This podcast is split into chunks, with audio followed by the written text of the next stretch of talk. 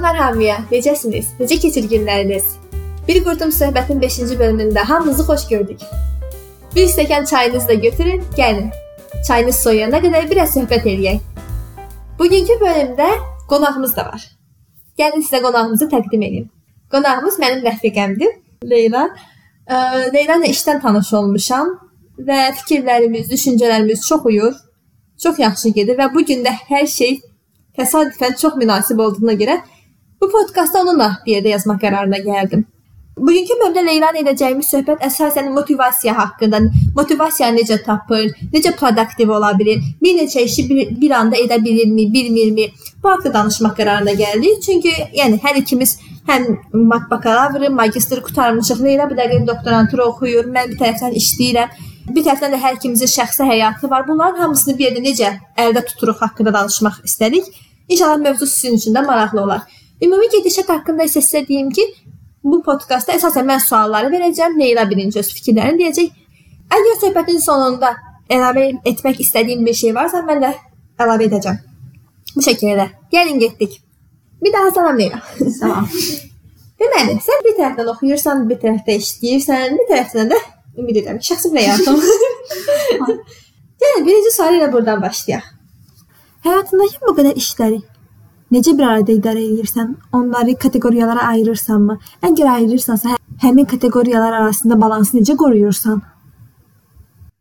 E, ümumi olaraq mən də 3 kateqoriyaya ayırıram. 3 əsas kateqoriyası həyatımın və ya da 3 əsas başlığı deyim.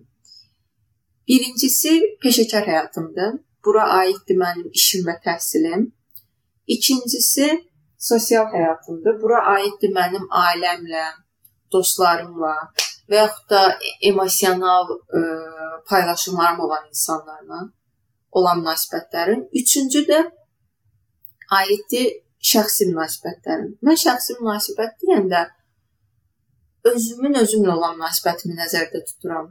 Yəni Hı -hı. özümün etmək istədiyim bəzi şeylər var. Mənim maraqlarım var, hobbilərim var və yaxud da E, məncə hər kəsdə belə bir şey var ki, iç, iç, hər kəsin içərisində e, və ya da xəyalında özünün ideal versiyası var. Hı -hı. O versiyama çatmaq üçün e, edə biləcəyim bəzi vərdişlər var. Bax o vərdişlər, bütün bu şeylərin toplusu, bütün mənim xəyal dünyam və mənim özümün özümlə olan münasibətim mənim üçün ə, həyatımın ən şəxsi tərəfidir. Yəni ümumi 3 kateqoriyası var: peşəkar həyatım, şəxsi həyatım, yəni özümlə olan münasibətim və sosial həyat. Aha, çox gözəl. İndi zəhmət olmasa biraz da bizə danışa bilərsənmi həmin kateqoriyaları necə balanslaşdırırsan? E, birinci onu deyim ki, asan olmur. Çünki ümumən həyat Əgər mənə bir sual verilsə ki, səncə həyatdakı ən vacib şey nədir? Mən balans deyərəm. E, və o balansı hardasa satmırlar ki, gedib alaq. Kimsə onu bizə hədiyyə etmir ki, ondan götürək. Bu balans, həyatdakı balans elə bir şeydir ki, onu e, yaratmaq lazımdır. Doğrudan çətindir. Amma müəyyən qədər yaratdığımı, belə bir balans qurduğumu düşünürəm. Yəni ümumi belə bir cavab verə bilərəm ki, sualına həyatımı balanslaşdırıram. Bunun üçün də ə, e, ən çox istifadə etdiyim metod yazmaqdır. Mən hər şeyi yazıram günlük etməli olduğum işləri də yazıram. Şəxsi həyatımla bağlı etməli olduğum şeyləri də yazıram. Həftəlik, aylıq, ümumiyyətlə planlamağı, yazmağı ümumən sevirəm. Onun mənim üzərimdə e, müsbət bir təsir olduğunu hiss edirəm psixoloji olaraq. Və məncə bu yazmaq ə, mənim həyatımın kateqoriyalarını eyni vaxtda produktiv şəkildə ə, davam etməyə və ya da uğurlu şəkildə davam etməyə imkan verir. Yəni sualına belə cavab verim ki, mən yazıram və yazaraq həyatımın hissələri arasında balans qururam. O balansa əsasında hər şeyi eyni vaxtda idarə edə bilirəm. Okay, dedik ki, həyatımı 3 yerə böldün və həyatında balanslaşdırmağa çalışırsan və balanslaşdırmağın əsasən yazaraq eləməyə Aha. çalışan bir insansan. Yəni özümə mən özümdən danışası olsam, mən yazmaq, okay, mən də yazaram, amma o qədər də çox yazan bir insan deyiləm. Belə illik planlarım olar, həftə sonu planlarım olar, amma belə həyatımın hər anını bir planada yaşayan bir insan deyiləm. Daha belə günü gelişi gözəl Hmm. yaşayan bir insanam. Hmm. Çox belə daha çox öz keyfimdən, halımdan, ürəyimin istədiyindən asılı ola bilərəm. Məncə bunu podkastlarda da görmürlər. Qəti iki podkastda arda arda qoya bilməmişəm mən. Hərəsi bir vaxtlardadır. Mən daha çox belə yaşayan adamam. Bəs indi səncə hansı daha yaxşı? Səncə həyatında həmişə bir müəyyən kateqoriyalara bölmək və həmin kateqoriyalar daim saatlara, vaxta ayıraraqmı zamanı idarə etmək mi yaxşıdır, yoxsa daha zamanı gəlişi gözəl eləmək lazımdır? Sən hansı tərəfdəsən burada? Yəni ya da ümumi sual verməyəsən. Zaman idarə etmək nə qədər önəmlidir və sənin həyatında bunu necə edirsən? Okay, belə deyim. Mənim üçün bəzi şeylər var ki, onları vərdiş halına gətirmək bu mənim şəxsi həyatımla da bağlı ola bilər, iş həyatımla da bağlı ola bilər, insanlarla olan münasibətimlə də bağlı ola bilər. Bunu vərdiş halına gətirməyin mənim həyatıma bir faydası varsa, mən onu hər gün və yaxud da hər həftə bir şəkildə onu ritmə salmağa çalışıram. Və bunun üçün gündəlik və yaxud da həftəlik saat ayırıram mütləq. Mənə görə burada, yəni zamanı idarə etmək deyəndə baxır nədən söhbət gedir. Bəzi şeylər var ki, məsələn, məsələn deyirəm, mən kitab oxumağı həyatıma vərdiş olaraq almaq istəyirəm. Vərdiş olaraq almaq istədiyim üçün mənim ona ayırmalı olduğum bir vaxt lazımdır.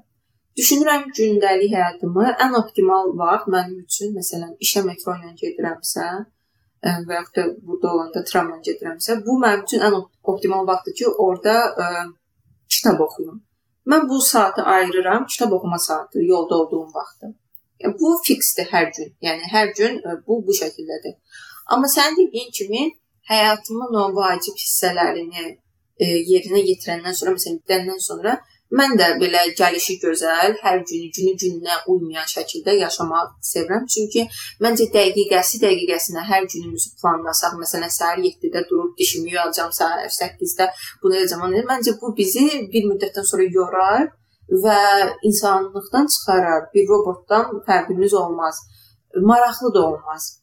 Hə, bəli, bəli, mən də tamamilə razıyam. Yəni əlbəttə ki, həyatımızda bəzi şeylər var ki, onlar dəqiq olmalıdır. Onlar həmin vaxtda, müəyyən vaxtda, müəyyən bir yerdə mütləq olunmalıdır. Məsələn, iş kimi. Hər gün bu saatda bir yerdə işdə olmalısan. Bəli, bunlar müəyyən bir vaxtda salınmalıdır. Mən mən də ondan razıyam ki, ondan qırağa qalan şeylər daha belə spontan eləyən bir insanam. Bir şey əlavə edə bilərəm. Məsələn, işində elə bir şeydir ki, belə baxanda biz ona bir şəkildə məcburuq. Yəni o Bəli. bizim bizə onun üçün ə, pul alırıq, əmək haqqı alırıq. Biz onu etməliyik. Amma mən bundan kənar şeyləri də nəzərdə tuturam. Məsələn, mənim üçün özümlə tək vaxt keçirmək vacibdir. Günün ən az 30 dəqiqəsini mən özüm öz beynimlə ya evdə, ümumiyyətlə belə tək olmağı sevən insanam. O vaxtı mən hər gün keçirməliyəm. Yəni hər gün xüsusən də bu səhərlər belə olur. Mənim səhər yarım saatım olmalıdır ki, mən sadəcə və sadəcə özümlə olum. Yəni heç bir e, distraktor olmadan, yəni fikrimi yayındıracaq kənar təsirlər, faktorlar olmadan, telefon kimi, nə bilim, televizor kimi mən sadəcə özümlə vaxt keçirirəm. Bunu etmədiyim günlər, məsələn, hiss edirəm ki, günün sonunda daha əsəbiyəm, daha stressliyəm. Daha mən, mənfi hisslər keçirirəm. Ona görə də məsələn bu 30 dəqiqəni hər gün özümə ayırıram. Hər gün bu mənim e, time-də cədvəlimdə var. Bunu da Hə. nəzərdə tuturam. Yəni iş xaricində bu kimi şeylər də nəzərdə tuturam. Hə, yox, məsələn mən o tərəfdən o qədər cədvələ uyan bir insan deyiləm. Çünki çox sən də bilirsən, şəxsən mən də belə. Məsələn, bir gün duraram, səhər heç keyfim olmaz və səhər heç kimlə danışmaq istəmirəm. O gün səhər danışmaq istəyirəm, amma sabahsı dura bilərəm. Hamı ilə danışmaq istəyirəm səhər, sonra görə hamı ilə səhər danışıram. Elə bir saatım yox demək. Hə, məsələn dedim ki, hə, hər gün avtobusda kitab oxuyursan. Şəxsən mən dedim, bəzən avtobusda telefonda oynamaq, oyun oynamaq istəyirəm, bəzən telefonda mahnı qulaq asmaq istəyirəm, bəzən kitab oxumaq istəyirəm. Yəni ona görə mənim heç vaxt yəni düzəsə o tip belə fiks şeylərim yoxdur. Gəl kim bir xarici tərəfdən mənə fiks bir şey qoyulmuşsa, belə beynimdə fiks edirəm. Məsələn, beynimdə bir ümumi deyək ki, sən bu gün kitab oxumalısan, sən bu gün tutaq ki də əgər istəyirsənsə, şəxsi həyatına biraz vaxt ayırmalısan, şəxsi özünlə özün özə vaxt ayırmalısan. Amma bunun bir saatı, bunun bir şeyi yox, vaxtı yox. Məsələn, bəzən məndə belə bir şey olur, hətta iş arasında belə mən tək qalmaq istəyirəm. Bir dənə gedirəm, bir kofemi götürürəm, işimi saxlayıram, çünki mən təmiz Hmm. o işdən produktiv bir şey nəticə verə bilmirəm. Hə, hə, məsələn, ona görə mən daha belə, yəni düzün desəm, ona, ona görə də mən daha çox gelişi gözəl tərəfdən həyatı yaşayan. Bəzən bir nahar vaxtı biz işdə e, iş yoldaşlarımla bir yerdə gedirik. Bəzən amma elə olur ki, tamamilə tək olmaq istəyirəm. Onda məsələn deyirəm ki, yox bu gün mən naharda başqa şey planlamışam və gedirəm tək vaxt keçirirəm. Eynən, eynən, eynən, eynən. Şeylər məndə də olur. Hə, ona görə ki, mən də o tərəfdən deyirdim. Amma məncə ümumi danışdığımız məncə birimizə başa düşən eyni şeydən danışırıq. Okay, sən indi ki, bayaq dediyin söhbətə qayıtsaq, kitab plus avtobus, yəni avtobusda gedərkən ya istənilən bir yerdən başqa bir yerə gedərkən kitab oxumaq həmin məsafədə. Səncə həmin oxuduğun kitabdan Hı -hı. yəni konsentrasiyanı həmin kitaba verə bilirsənmi? Hı -hı. Yəni bir işi ya da ümumi sual vermək gərəkərsə, bir işi görərkən başqa bir iş görmək. Yəni multitasking eləmək. Hı -hı. Səncə nə qədər düzgündür? Hansı işlərdə multitaskingə önəm verirsən? Hı -hı. Hansı ya da ümumi multitaskingə önəm verərkən, yəni multitasking edərkən həqiqətən də hər iki işdən istədiyin nəticəni ala bilirsənmi, yoxsa səncə fikrin yayılırmı? Yəni birinci e, ilk suala cavab vermək istəyirəm avtobusda kitab oxumaq məsələsinə. Özümlə bağlı sevdiyim xüsusiyyətlərdən biri odur. Hətta deyərdim ki, ən effektiv kitab oxumalarım metroda, tramda, avtobusda belə olur. Bu bilmirəm, buna belə öyrəşmişəm. Yəni o mənim üçün heç bir problem deyil və mənim üçün multitaskingin bir növüdür. Və yaxud da ikinci multitasking hesab etdiyim bir şey var. Məsələn, ev yığanda podkasta qulaq asıram. Və yaxud da YouTube-da bir video qoyuram, hansına ki baxmalı yox, sadəcə səsini eşitmək mənə kifayət edir. Bu yenə özünün inkişafına bağlı sevdiyim insanların ə, videoları ola bilər. Öyrədici videolar çəkən insanların. O orada danışır, mən də işimi görürəm və full fikrim orada olur. Yenə deyirəm ki, ən yaxşı, effektiv ə, podkasta qulaq asmalarım bu şəkildə olur. İndi gələk digər məsələdə ümumən multitaskingə düşüncəm. Ə, multitaskingə ümumi düşüncəm belədir. Müasir həyat, bu dünya bizi bir şəkildə buna məcbur buraxır ki, biz multitasking, yəni eyni vaxtda bir neçə işi görmə ə, qabiliyyətimizi, bacarığımızı daha doğrusu artırmalıyıq. Əks halda geri qalacağıq. Bunu düşünürəm. Və ikinci sual yaranır. İnsan olaraq buna nə qədər qadirik? Qadirik məncə o qədər də qadir deyilik. İnsan olaraq bu mən mən buna başqa mütəxəssislərdə də qulaq asmışam bunun haqqında danışanda. Beynimiz belə formalaşıb ki, ilk öncə bir işə fokuslanmaq, o iş bitəndən sonra tamamilə full performans başqa işə fokuslanmaq. Mən bundan razıyam. Bunu həyatımda tətbiq edəndə mən də görmüşəm ki, məsələn, belə deyim də, eyni zamanda bir dil öyrənmək, iki dil öyrənməkdən daha asandır. Daha az vaxt aparır. Bununla tamamilə razıyam. Gəl gör ki, bu nə dərəcədə mümkündür bu dəqiqə. Məsələn, mənim ə, vəziyyətimə baxaq. Mən həm işləyirəm, həm də oxuyuram. Mən çox düşündüm. Məsələn, mən magistraturanı bitirdikdən 2 il sonra doktoranturaya başladım. Çünki arada düşündüm, bunu necə mən idarə edə bilərəm bir yerdə. Dediyim buydu. Müasir dövr arzularımız, xəyallarımız ya da e, hədəflərimiz bizi buna məcbur edir ki, bunu bir şəkildə idarə etməyə bacarmalısan. Və mən belə olan hallarda yenə yazıram. Ümumiyyətlə çox analog insanam belə ə, hər şeyi yazmağı, dəftərə, qələmə toxunmağı çox sevirəm. Bu haqqda kitablar oxumağı da çox sevirəm. Bəyəndiyim məsləhətləri həyatıma tətbiq edirəm və belə-belə məncə mən bir sistem yaratmışam özüm üçün. Məsələn, mən üçün hal-hazırda ən ə, böyük çətinlik peşəkar həyatımda budur ki, mən həm və biraz da perfeksionist tərəfim var. Bir işi görəndə çalışıram ona maksimumum verim. Əks halda özümdən əsla razı olmuram. Və mən bunu belə bölürəm. Məsələn, doktorantura ilə bağlı etməli olduğum işlər və yaxud da oxumalı olduğum məqalələr var. Tutaq ki, və eyni zamanda işimlə bağlı etməli olduğum öhdəliklər var, oxumalı olduğum nələrsə var. Mən bunları günün hissələrində də bölürəm və daha doğru, daha doğrusu gündən çox həftənin içərisində bölürəm. Minimum 3 gün doktorantura ilə bağlı nəsə oxuyuram, nəsə iş görürəm. Minimum 2 gün işlə bağlı. Və yaxud da elə müddət olur ki, məsələn mən bilirəm ki, mənim 10 gün arxa-arxaya dərsim var. 10 gün mən dərs keçməliyəm. E, nə edirəm?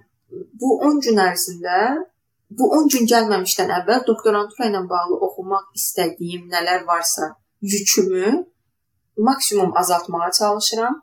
Bu 10 gün çatanda artıq sadəcə işimə fokuslanıram, doktoranturanı qaldırıram rəfə. Bu 10 gün dərs bitir. Tutaq ki, artıq dərs bitdi. Mən kimya mühəndisliyi laboratoriyasında işləyirəm. Orada böyük cihazlar var. Mən artıq cihazları falan sökürəm, eləyirəm falan.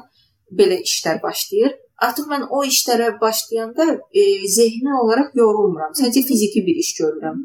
Zehni olaraq yorulmadığıma görə hə, eyni gün ərzində həm o işləri bitirib, həm də ofisimə qayıdıb doktorantura ilə bağlı nəsə bir kağız, bir məqalə oxuya bilirəm. İnşallah başa sala bildim nə dedim. Hə, hə, hə, çox gözəl başa saldın da. Sən burada başqa bir nöqtəyə dəymək istəyirəm. Yəni dediklərinlə razıyam, yəni. Mən özümə qalsa mən multitaskingi çox yaxşı bacaran bir insan deyiləm. Mən daha çox bir işi Mən də elə bacaran biri deyiləm. Sadəcə məcburam biraz. Hə, mən bu məcburiyyəti də məsələn əvvəllər daha çox hiss, hiss edirdim ki, mən buna məcburam. Tutaq ki, məsələn, məndə belə bir dövr var idi. İngilis dili öyrənməli idim. Çünki universitetdə ingilis öyrəndim. Amma bir tərəfdən də Fransada magistr etmək istəyirdim və buna görə fransız da öyrənirdim. İki dili bir öyrənirdim. Bir, bir anda öyrənirdim. Məsələn. Çox çətin bir şey idi. Və amma əvvəllər elə bir daha çox özümü məcbur hiss edirdim ki, hər şeyi inanda bilməsən. Amma illər keçdikcə bilmirəm, yaşla mı gələn bir şeydir, yoxsa özümü inkişaf etdirdikcə bu, bu nöqtəyə mi gəlirəm? Sanki Məsələn, əvvəllər bir daha çox şey var. Bunu da eləməliyəm, bunu da eləməliyəm, bunu da eləməliyəm, belə də eləməliyəm. Tutaq ki, də Instagramda da şəkil paylaşmalıyam, podkastda da eləməliyəm, bu dili də öyrənməliyəm, bu idman növünü də öyrənməliyəm. Amma illər keçdikcə belə bir şey gəldi mənə ki, eləməli deyiləm. Yəni sən nə əlaqədardır?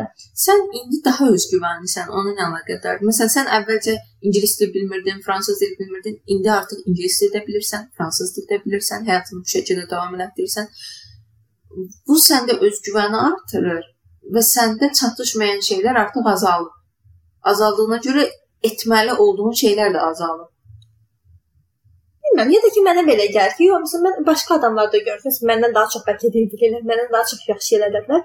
Amma onlar çünki həyat elə bir şeydir ki, bunları bacardım, bacardım, bacardım, vəsə. Davay.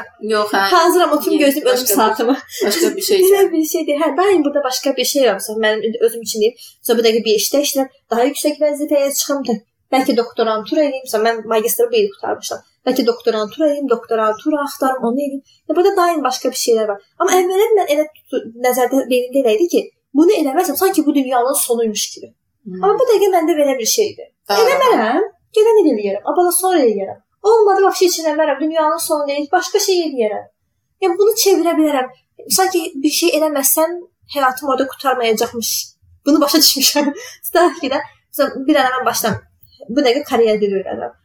Əvvəlki türkçəmizdə Koreya dili öyrənsəydi, ki bir ara başlamışdı əvvəlki türkçədə Koreya dili öyrənməyə, xəstək bir hər gün 3-4 saat Koreya dilinə vaxt ayırırdı və inanılmaz ayıra bilməyəndə depressiyaya girirdik. Niyə ayıra bilməmişəm? Hmm. Türkçə geridə qaldın, öyrənməlisən. Amma indiki türkən gündə 10 dəqiqə ayırır, 15 dəqiqə ayırır. İndiki türkən əvvəlki türkənə görə daha mütəmadi işləyir. Hmm. Hər gün işləyir. Hmm. Amma qəti özündə bu ağırlığı hiss eləmir. Və o qədər və bu da məni işi daha belə maraqlı nöqtəsinə baxmağa gətir. Daha belə kreativ şeylər. Sənətdə olmursan. Hə, yəni daha tam daha daha əyləncədə oluram, daha çox maraqlı hissəsində oluram. Və burada belə bir şey gəlir. Hədəf çoxluğu. Əslində mən bunu daha əvvəlki bir podkastlamaq lazımsansa, seçim çoxluğundan danışmışdım. Sanki indiki dövrdə çox şey var. Bunu da eləməlisən, onu da eləməlisən, ingilis də öyrənməlisən, fransız. Eləməsəm geri qalacağam kimi hiss var. Müəyyən qədər də doğrudur. Yəni mən bu hədəf çoxluğundan düşdüyümüz çətinliyə görə özümüzü günahlandıra, qınaya da bilmirəm. Müəyyən qədər doğrudur. Məsələn, mən belə deyim də, ingilis dili öyrənmək, mən universitet vaxtı ingilis dilini öyrəndim. İngilis dilini öyrəndim e, və bu gün işim, təhsilim, özün bilirsən, hər şey ingilis dilində gedir. Mən Mənim üçün həmin vaxt ingilis dili öyrən öyrənib öyrənməmək bir seçim idi. Mənim və digər qrup yoldaşlarımın etdiyi. Bu seçimi məni ilə bərabər etməyən insanlar oldu. Məsələn, biz kursa başladıq bir neçə uşaq. E, mən davam elədim neçə il, amma bəzi insanlar davam eləmədilər. Və mən bu gün keçmişə baxanda görürəm ki, özümə etdiyim ən böyük yaxşılıqlardan biri idi ingilis dilini öyrənmək. Hı -hı. Yəni mən o vaxt bu seçimi etmək məcburiyyətinə qaldım, çünki mənim qarşıdakı hədəflərimə məni çatdıracaq yol idi bu. Və mən bunu etməsəydim, bir çox ə, varlıqdan geri qalacaqdım. Geri qalmaq da əlbəttə ki, nəyə gətirirdi? Bu gün əldə etdiklərimi əldə etməməyə gətirib çıxarırdı. Yəni biz bəzi şeylərə bəzən çox çalışmağa, çünki məsələn o vaxt mən ingilis tək işim gücüm ingilis öyrənmək deyildi həm ingilis dili öyrənirdim, həm universitet dərslərimi edi- edirdim, həm başqa işlərdə belə ümumi həyatın verdiyi işlər. Bəzən çətin olur, amma məcbur olurum. Okay, məncə burada çox gözəl, çox incə bir ayrıntı var. Çox işlə həyat hədəfə doğru gedən iş arasında. Bəzən biz hədəf, okay, sən dediyin çox söz çox gözəldir. Mən özüm özüm üçün mən fransız öyrəndim, çox xoş gəldi. Bu gün Fransada yaşayıram, edirəm. Bundan çox məmnunam. Amma bəzən biz çox itiririk. Məsələn, tutaq ki də bəli, hədəfə doğru get getmək üçün eləməli olduğun şeyləri eləməlisən. Amma bəzən hədəfdən qırağa da çox şey edirik. Tutaq ki də, Hmm. bir tərəfdən Instagram var, Instagrama, bir tərəfdən TikToka baxırsan, bir tərəfdən ora baxırsan. O qədər şeylər edirsən. Mən onlara ki- distraktorlar deyirəm. Bəli, bəli, həmin distraktorlar amma o qədər şey eləyir ki, adam istərsə mən şey olur, ki, də, a, Instagramda onu görsən, o paltarı da alsaydı, o makiyajı da alsaydı, onu da eləsə. Amma baxırsan o qız da məndən yaşlı, gör nə qəşəng makiyaj edir. Mən bilirəm, makiyaj edə bilmirəm. Onun hər gün nə qəşəng geyinir, işə gəlir. Mənə bax hər gün eyni paltarda işə gəlirəm, amma halbuki paltarım var, sadəcə vaxtım yox ki, paltarda hər gün eyni şeyi seçib. Düzdür demək istəyirəm. Sanki burada hədəfə hədəf üçün elədiyimiz şeylər bəli çox yaxşıdır. Amma biz hədəfin qırağında da özümüz üçün o qədər şeylər qoyuruq ki, məqsədlər hansı ki həyatın bizə zorla şey. Məsələn, Bakıda tutaq sən çox qadın, çox qızlar, xanımları görürsən ki, işə getmək üçün hər gün makiyaj edirlər. So, bəlkə çoxsu şərəf hədəfi belə deyil o. Bəlkə çoxsu makiyajsız işə getsə, eyni paltarda işə getsə daha xoşbəxt olacaq. Amma həyat onları sanki buna məcbur edirmiş kimi bir psixoloji təsir var, psixoloji şey var. Bilmirəm o bu baxımdan. Məncə o xarakterlə bağlıdır. Çünki mən xarici görünüşüm yaxşı görünəndə gözümə güzgüdən mən həmin gün özümü yaxşı hiss edirəm.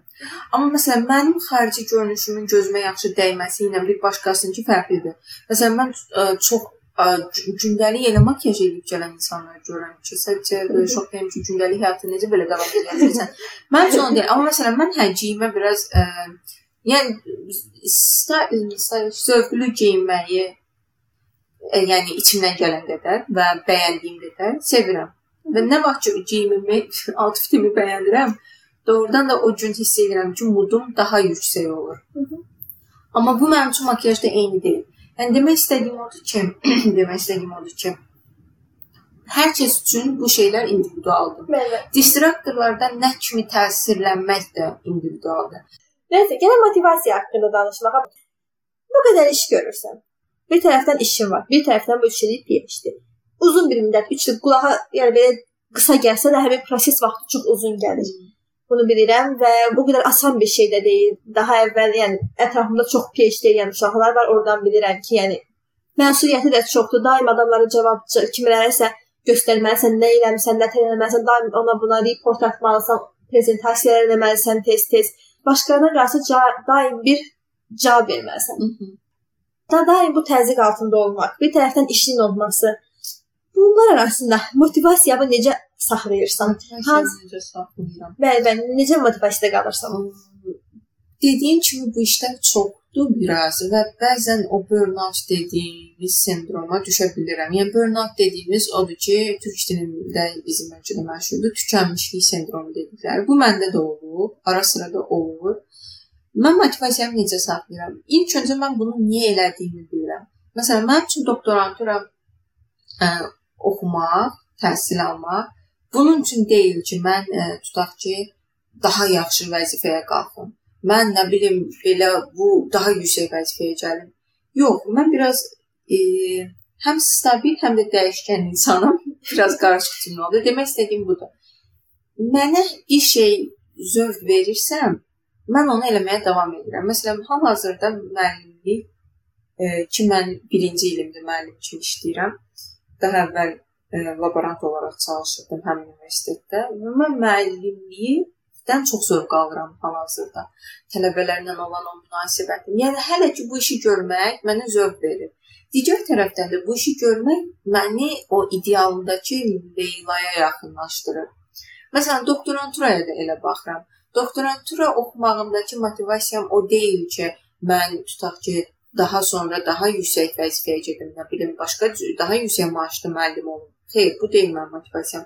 Mən doktorantura ilə bağlı e, Türkçənin dediyi kimi Fransa ilə əlaqəli təhsil aldığıma görə ilin yarısını Fransada keçirirəm. Mən məsələn Fransaya gəlirəm, burada tək yaşayıram, bir çox problemləri özüm həll edirəm, fransız kollektivin içərisində oluram və mən görürəm ki, bütün bunlar mənim şəxsi həyatımda mənə yəni ixtisasımdan əlavə şeylər öyrədir, əlavə təcrübələr yaşadır. Bu təcrübələri yaşamaq yenə məni idealımdakı Leylaya yaxınlaşdırır. Yəni mən özümə servis edirəm. Mən özümə işləyirəm. Mənim e, motivasiyam daha əlbəttə demirəm pul önəmlidir. Pul əlbəttə önəmlidir. Sadəcə bizdə bizim ölkədə ən azından mənim ətrafımdakı insanlarda e, e, çox böyük motivasiya budur ki, daha yüksək vəzifə, daha yüksək vəzifə, daha böyük güc yox. Bu şeylər mənə zövq verir hələ ki.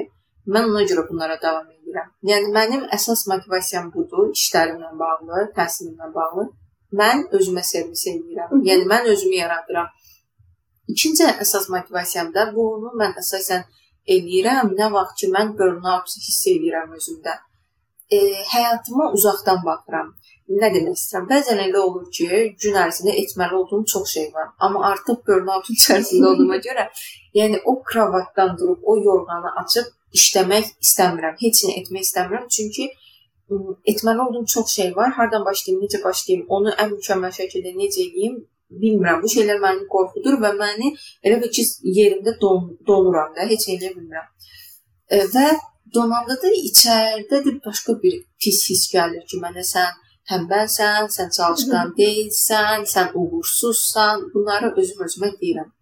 Nəsə çox uzatmadan iki cümləni yekunlaşdırım. Motivasiyada qalmaq üçün bir həyatıma uzaqdan baxacağam. Uzaqdan baxanda elə bir böyük şəkli görürsən deyə şəklin o bir pikselini yaxınlaşdırıb içərisinə girəndə orada heç nə yoxdur, qaranlıq ola bilər. Amma uzaqdan baxanda bir şəkil var, bir qurulmuş bir ə, e, necə deyim, yaradılmış bir şey var. Bir əsər var. Bəlkə biraz çox dramatikləşdirmiş oldum. Amma ona baxmaq məni sakitləşdirir ki, yox, ola bilər mən bəzən tənbəllik eləyirəm, geriyə düşürəm, amma ümumi olaraq mən irəliyə doğru gedirəm. Bunu düşünmək məni motivasiyada saxlayır və məni işimə qaytarır. İkinci motivasiya tərəfim isə mən etdiyim hər şeyi bilirəm ki, idealımdakı o ideal Leylanı yaratmaq üçün edirəm və ona günü-gündən yaxınlaşıram. Bu məni motivasiyada saxlayır. Artıq ikinci dəfədir ki, ideal Leyla sözünü istifadə Aha. edirsən.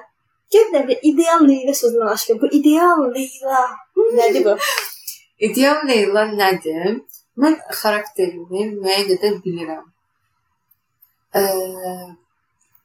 mənfi və müsbət tərəflərini bilirəm. İdeal yerli deyəndə isə məsələn, bunu nəzərdə tuturam. Hər gün idmanını edən, ondan sonra məsələn, dünya görüşünü artırmaq adına təcrübələr yaşayan həyatda, məsələn, mən bu təcrübələri doktoranturamda da tapıram, işimdə də tapıram, dostlarımla söhbət edəndə də tapıram təcrübələri artmış və səyahəti çox sevirəm. Səyahət listim var. E, səyahətin səyahət eləmək üçün də çox böyük pullara ehtiyac olmasa da müəyyən bir pula ehtiyac var. Bu səyahətlərin səyahət yolunda olan, yəni arzularını yerinə yetirən, sağlamlığına, özünə qayğı ilə yanaşan, ətrafında ona dəyərli olan insanlarla yaxşı münasibəti olan, əsəbləri sakit, stress səviyyəsi aşağı bir Leyla deyə bilərəm. Aha, mən onu belə bir sual verim. İndiki Leylanı o ideal Leyladan ayıran şey nədir? Yaşı azdır. mən mən ə, e, yaş yenə deyirəm. Çünki bəzi şeyləri yerinə yetirmək üçün mənim vaxta ehtiyacım var və mən o vaxtı 17 yaşımdan bəri qazanıram. Yəni e, yarada bilirəm özümə. Nəyi deməyə çalışıram? Mən e, Gəncədə böyümüşəm. E, və orada böyüməyin mənim adıma bəzi çətinlikləri oldu. Məsələn, getdiyim məktəbdə ingilis dili təmayüllü olmağına baxmayaraq ingilis dili müəllimləri ingilis dilində yaxşı bilmirdilər məsələn. İngilis dili bilmirdim. Dünya görüşü adına uşaqlar üçün, məktəbli uşaqlar üçün kamplar, aktivitelər, bu kimi şeylər yox idi. Və bütün bunlar e, məndə bilirsən necə yaşıdlarımdan, ha kimlər ki daha yaxşı məktəblərə getmişdilər, o məktəblərdə dil öyrənmişdilər və yaxud da dünya görüşləri mənkindən yüksək idi o uşaqların. Məsələn, bir lisey uşağının Azərbaycan Gəncədə o vaxt lisey yox idi mənim vaxtımda, amma Bakıda var idi. Mən universitetə girəndən qəbul olandan sonra gördüm ki, dünya görüşü adına mənimlə ilə o uşaqlar arasında çox böyük fərq var. Və mən universitetə qəbul olanda belə bir maraqlı bir şey deyim. Mənim e, topladığım bal e, fakültədə ən yüksək bal idi və mən elə bilirdim ki, Vəsə mən necə deyim, maksimumumu etmişəm, məndən yoxdur. Ondan sonra mən yox gördüm ki, məndə çatışmayan, məndə problemli çox şey var. Və o uşaqların məndən irəlidə olmasının səbəbi onların böyüdükləri mühitin mənimkindən daha yaxşı olmasından irəli gəlirdi. Yəni uşaq vaxtı mənim həyatım kontrolu mənim əlimdə deyildi və yaxud mən ailəmi də günahlandıra bilmirəm. Onların həyatı Gəncədə idi və biz ona görə Gəncədə yaşadıq. Mən sonra məsələn dil öyrənmək üçün başqa bir vaxt itirməli oldum. Amma tutaq ki, uşaqlıqdan ingilis dilini bilən insan mənim kimi 19 yaşında ingilis dili öyrənməyə çalışmırdı. O artıq o dili bilirdi. Məsələn, mən dil öyrənməyə müəyyən bir vaxt sərf etdim. E, kitablar oxudum. O kitablardan öyrəndiyim şeyləri bəlkə də bəzi uşaqlar daha əvvəlcədən bilirdilər. Səyahətə mən iş işləyə iş, işləyəndən sonra, yəni pul qazanandan sonra gedə bildim, səyahət edə bildim səyahətlərdən çox şey öyrəndim. Düzdür, yenə çox böyük səyahətlər etmiş birisi deyiləm, amma ə, hər il bir-iki yerə səyahət etməyə çalışıram büdcəm daxilində. O səyahətlərdən öyrəndiyim şeylər məni get-gedə idealımdakı Leylaya yaxınlaşdırır, amma yenə deyirəm, bəzi illər keçməlidir. Mən düşünürəm ki, sağlıq olsun, təkcə sağlamlıq olsun. 30 yaşımda idealımdakı Leyla olmuş olacaq. Elə planlamışam. Aa, planlı. Okey. Deadline'ımız 30'du. Deadline'ımız 30'du. 2023'te. 2023'də, 2028-də. 2028-də görüşürük. İnşallah. Ə, bax, burada əslində mənlə sənin aramızdakı fərq, yəni verin, həyata baxış açımızdakı fərq. So sən deyirsən ki, mən illər itirdim ingilis öyrənmək üçün. Hı -hı. Amma məsələn mənim baxış açıma görə, mənim ə, həyata baxdığım nöqtəyə görə bu vaxt itirmək deyil. Sadəcə sən ingilis nə vaxt öyrəndin? Yox, o uşaq da ingilis dedi. O da yenə eyni vaxtını itirib, sən də başqa bir vaxt itirib. Yox. Sən də o vaxt başqa şey öyrəndin. Sən də vaxt başqa bir şey öyrənmisən. Hansı ki o uşaq öyrənmir. Məncə həyatımızda tutaq ki də sənin 26 illiklə onun 26 ilə eyni şey öyrənmisiniz. Sadəcə sən də o vaxt uşaqda bunu öyrənmişdin. Bu cəhətdən baxmamışdım. Əslində haqlısan. Nəyə görə haqlısan? Mən görürəm ki, ə, belə deyim ki, həyatımda uşaq vaxtı çox dramatik şeylər olmayıb, amma bəzi çətinliklər olub və bu dəqiqə bu nöqtən, yəni bu e, perspektivi məndə sən göstərdin. Əslində o cəhətdən düz deyirsən. Mən görürəm ki, məndə resilience bilmirəm necə tərcümə edim tam olaraq. Yəni hə, həyatda dayanıqlılıq, ə, davamlılıq, yəni müqavimətli olmaq məndə hə bəzi yaşlarımdan daha çoxdur görürəm. Və belə bir şey də var. Yəni mən kiçik şeylərdən də xoşbəxt ola bilirəm. Amma mənim yaşıdlarımda mən pessimist insanlar görürəm. Halbuki məsələn görürəm ki, bu insanın pessimist olmağı üçün əslində elə də böyük bir səbəb. Məsələn, mən amma belə kiçik şeylərdən məyus olmuram. Düşünürəm ki, həyatda müqavimətim daha böyükdür. Yəni çox nadir şeylər məni həqiqi mənada məyus edə bilər. Məsələn, mən bir ingilis dili öyrənirəm 19 yaşımda. Bu məni sevindirir. Mən bunu uğur hesab edirəm. Amma məsələn, uşaqlıqdan ingilis dili öyrənən, öyrənmiş olan birisi üçün bu artıq həyatın bir necə deyim, adi bir tərəfidir və o buna mənim baxdığım tərəfdən müsbət baxa bilmir. Mən o da özünə görə başqa bir şey müsbət baxır. Hə, o da eynən tək sənin kimi dayanıqlığı öyrənir. Bəlkə o yaşında. Ona görə mən həmişə tutaq heç vaxt baxıram da ki, bəli, mənim də mən də ingilis universitet vaxtı öyrənmişəm, fransız dilini universitetdə sonuna doğru öyrənmişəm. Amma sonra heç vaxt deməmişəm ki, hətta rus dilini heç vaxt öyrənməmişəm, amma Rusiyada yaşamışam. Amma heç vaxt deməmişəm ki, Rusiyada yaşayanda rus dili öyrənmədim. Çünki Rusiyada yaşayanda o qədər başqa şey öyrənmişdim ki, bir uşaq bəlkə mənlə eyni vaxt oraya gedən başqa bir uşaq rus dili öyrənərək o vaxtını sərf edəndə mən orada o qədər başqa şeylər öyrəndim, o qədər başqa yerlərə səyahət Yəni bunu demək istəyirəm. Eynən həyatlar fərqlidir, yollar fərqlidir, təcrübələr fərqlidir. Eynən düzdür. Və baxmayaraq ki, ə, uşaqlığımla bağlı bəzi şeylərin fərqli olmasını istəyərdim. Amma yəni bəlkə onlar fərqli olsaydı, mən idealımdakı Leylaya daha tez çatardım. Amma bəlkə də onlar fərqli olsaydı, Hı. mənim idealımda bir Leyla olmazdı. Yəni ben başqa cür olarkən Leylaya həyatımı bir dəfə yaşayırıq o həyat. Belə çıxdı. Iı, Həyatda ən çal ən böyük məqsədin, bir dənə məqsədin nədir deyə soruşsan necə? Məsələn, mən bunu çox sevirəm. Bu məni necə deyim, yolda saxlayır da. Mən çalışıram ki, keşkə deməyim qocalanda. Ağlıma nə gəlirsə, onu etməyə çalışıram. Onu e, bir şəkildə reallaşdırmağa çalışıram.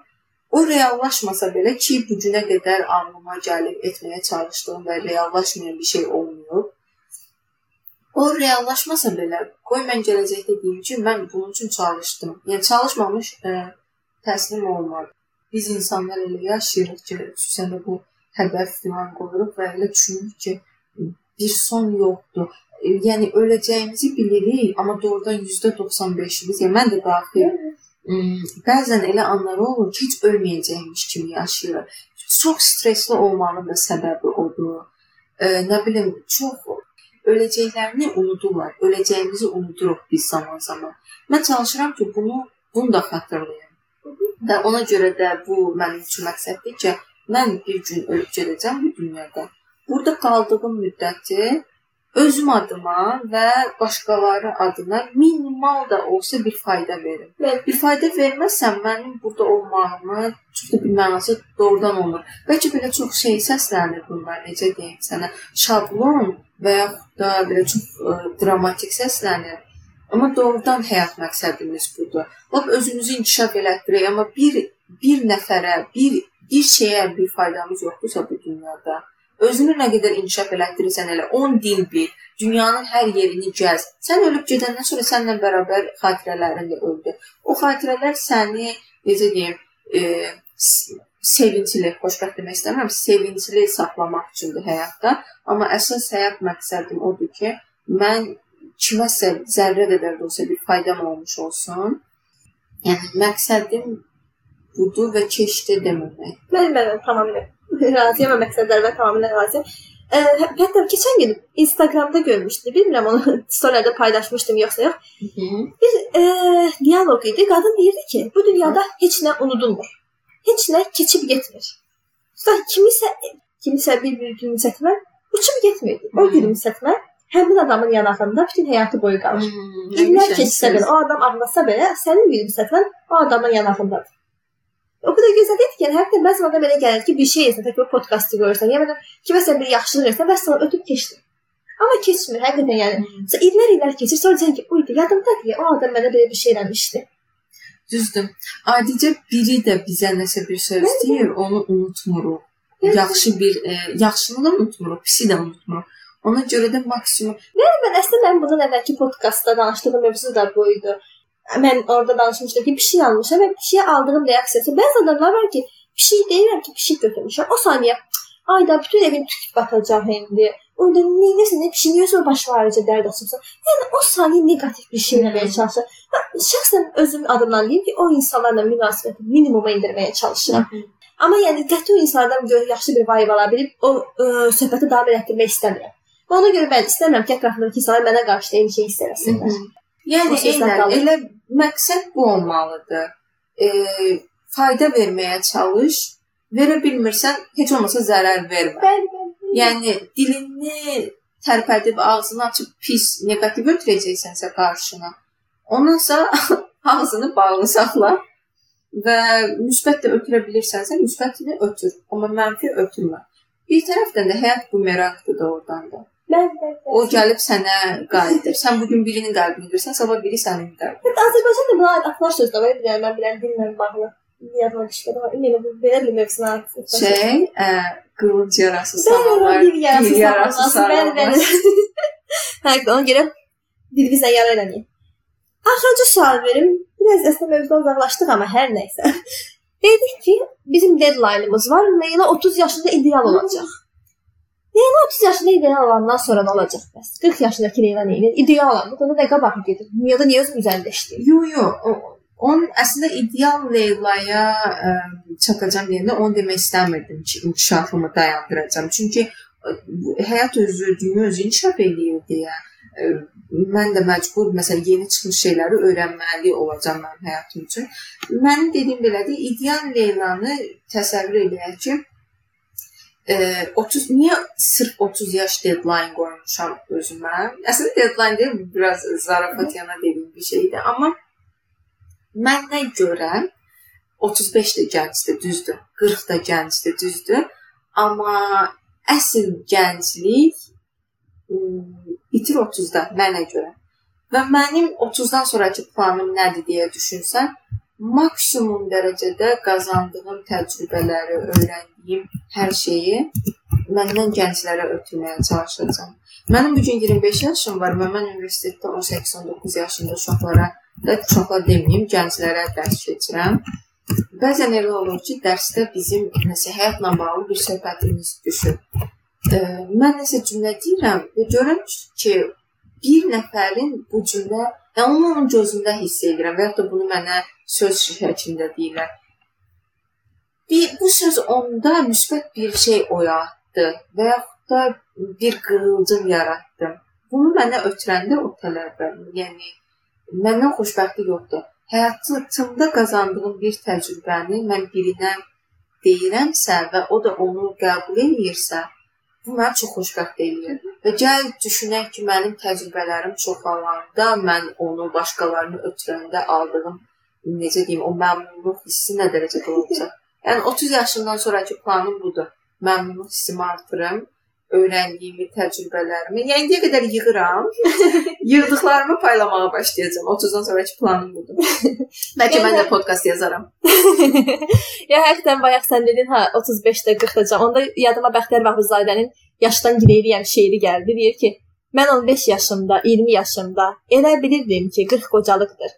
50-yə çatdıram, ancaq başımda uşaqlıq həvəsi hələ qalıbdır. Bu şeiri çox sevirəm. çox sevirəm, həqiqətən mən də çox sevirəm, yəni həqiqətən.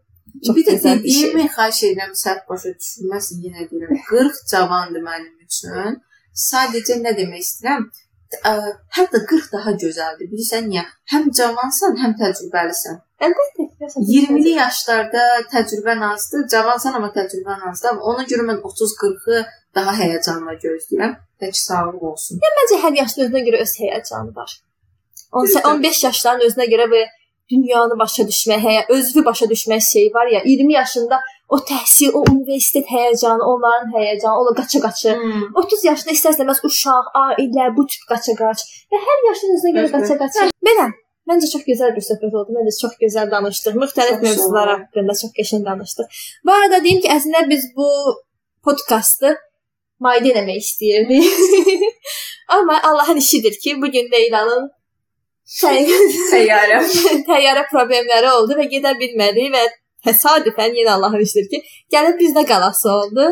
Və hazır bizdə qalmışkən niyə də bu podkastı yazmayaq? Və indi gülməyimə baxmayın. Günün əvvəlində təyyarəmə yetişə bilmədiyimə görə ağlayırdım. Çox pis vəziyyətlərdə idim, stress içərisində idim, çünki artıq Bakıya qayıtmaq istəyirəm. Türkan yenə bütün e, təmiz ürəkli ilə gəldi. Yəni Türkan gələndən sonra ağlamağımı dayandırdım və problemləri bir-bir həll etməyə başladıq. Uçuşum 2 gün sonradır. Və inşallah gələn buraya gəlişində elə bu anksiyete haqqında danışarıq məncə. Danışarıq ki, məndə niyə belədir? Səndə niyə belədir? Niyə niyə belə olur? Bəli, bu haqqda biraz danışarıq. Oldu. Ümid edirəm ki, bu söhbət sizin üçün də maraqlı oldu. Məncə çox gözəl, çox çox axıcı bir söhbət oldu. Bu arada diksiyan çox xoşuma gəldi inşallah. Həqiqətən çox bəyəndim. Azərbaycan dilində, bəlkə Azərbaycanda yaşayırsan deyə, həqiqətən Azərbaycan danışıram. Mən də oxuyuram. Sən Türkan ə, deməli bilingual, yəni iki dilli belə deyil, 4-5 dillidir. Ona görə 4-5 dildə kitabları oxuyur heç bir dil unutmasın.